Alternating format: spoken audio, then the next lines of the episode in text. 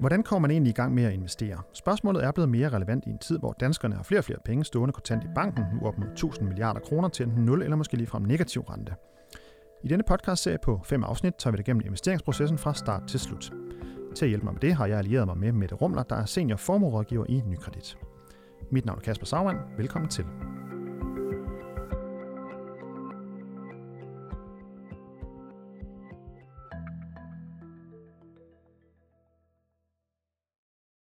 Mette, jeg tænkte på, at vi skulle prøve at øh, se på, hvordan sådan et, øh, et rådgivnings, første rådgivningsmøde det egentlig løber af stablen. Så jeg tror lige, jeg lukker døren herind til, til mødelokalet. Det, det, vil, det vil man nok også, nok også typisk gøre, tænker jeg, til første møde. Har lukket dør? Helt klart.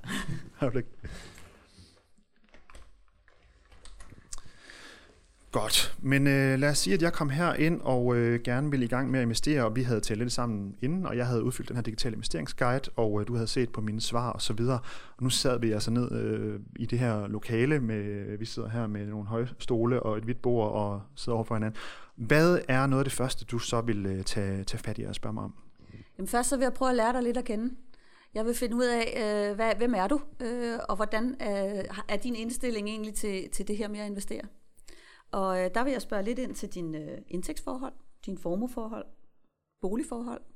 Har du nogen gæld? Familie? Hvad ønsker du egentlig for dig selv og din familie? Hvilke drømme har du?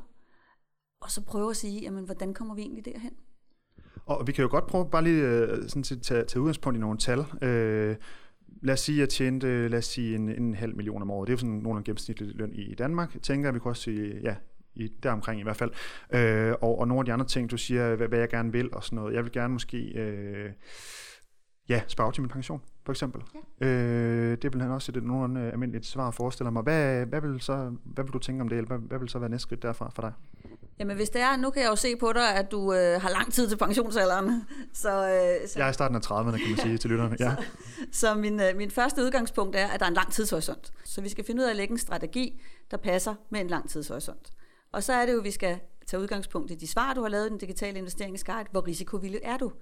Og lad os bare sige, at jeg er medium risikovillig. Ja. Hvis du er medium risikovillig, og man tager det sådan lige efter bogen, jamen, så er det måske en 50% aktier, 50% obligationer, som din portefølje skal ligge i.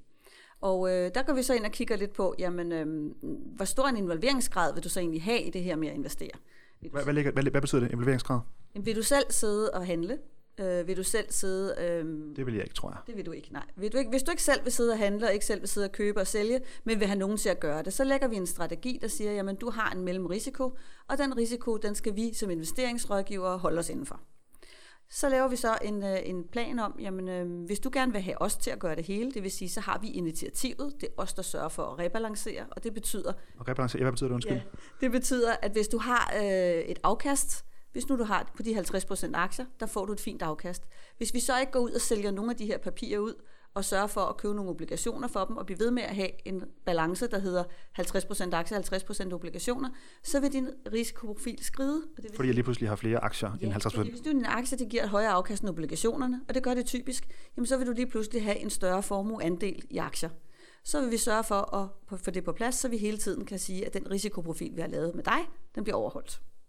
Godt. Så, øh, jamen, så langt, så godt. Hvad, øh, kan du lige tage en, en, en, en tår kaffe her? Mm-hmm. Mange spændende ting at, at forholde sig til. Hvad, hvad er så næste skridt egentlig?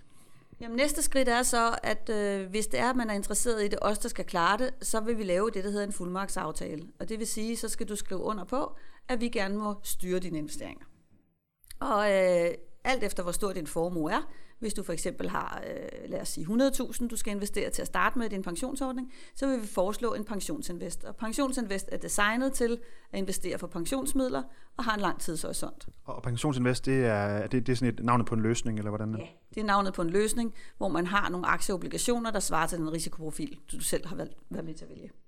Jamen, så er det jo lige før, jeg, øh, jeg allerede er i gang. Hvordan øh, de her, på det her møde, der øh, er jo også nogle, nogle jeg ved, altså i forhold til ens risiko, øh, der er også nogle ting, man gennemgår omkring, i forhold til, hvordan man placerer sin formue generelt. Altså, om man placerer alle sine penge i, i investeringer, eller hvis man også har en bolig, kan det jo godt være, at man også, øh, altså der, jeg ved, der, du, du har et, et papir foran dig, kan du i hvert fald se med, med det, der vist nok hedder formuescirklen. Øh, hvor, hvorfor er den øh, relevant, og hvad er det egentlig, den går ud på?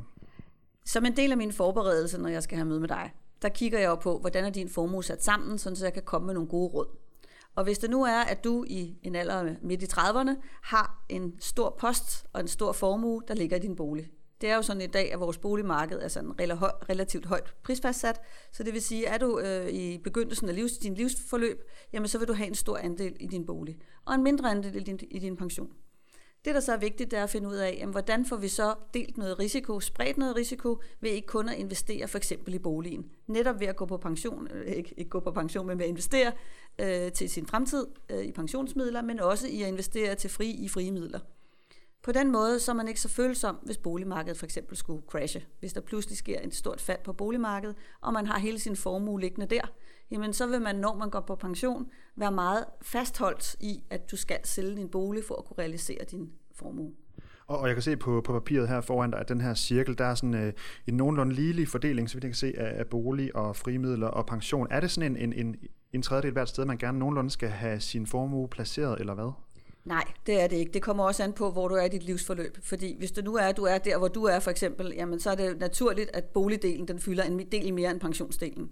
Hvis du nu havde nået de 60, og øh, der ikke var så lang tid til du skulle på pension, jamen så skulle pensionsfeltet øh, eller lavkagestykket være væsentligt større, end, end det er øh, som 30-årig. Fordi så er der ikke så lang tid til, du skal til at have fat i dine penge. På den måde har du måske også, øh, gælder det også, at man ikke bliver ved med at spare op og spare op i sin bolig, men at man også sørger for, at noget af den likviditet, man har, bliver brugt til at spare op på anden vis, så det er nemmere at få fat i pengene, når du bliver pensioneret. Og er det rigtigt forstået, at det, her det også er et værktøj, som, øh, som nykredit bruger, som måske øh, andre øh, ikke bruger? Altså det er lidt en, en, en, en nykredit mærkesag, eller hvad som man kan kalde det. Er det rigtigt forstået? Jeg ved ikke, om det er en nykredit mærkesag. Vi bruger det i hvert fald, fordi det er en meget god måde at synliggøre risikobegrebet øh, over for kunderne. Øh, så derfor har vi det med som en del af vores rådgivning. Det er meget nemt at se, jamen hvis du kan vise sådan en cirkel, og du øh, kan se, jamen jeg har en fast ejendom, og det er der hele min formue ligger, jamen så kan vi illustrere ud fra sådan en simpel cirkel, at du er meget følsom, hvis boligmarkedets, ændrer, øh, boligmarkedets priser ændrer sig. Og hvis man, øh, hvis man har øh, nogle af sine penge øh, sat over til Nykredit, så kan nogle af pengene vel også blive sat i nogle af de her for eksempel øh, investeringsforeninger, som Nykredit Invest har og, og så videre. Øh, er det rigtigt nok forstået? Det kan du tro. Altså, når man investerer i nykredit, jamen, eller igennem nykredit, så har man jo sådan set som udgangspunkt øh, fondsbørsen øh, at vælge imellem. Og der er jo rigtig mange papirer. Og så har vi jo så også vores, udviklet vores egne investeringsforeninger, som jo kan gå i alle mulige forskellige retninger, både inden for aktier og obligationer. Så der er en rigtig bred vifte af muligheder.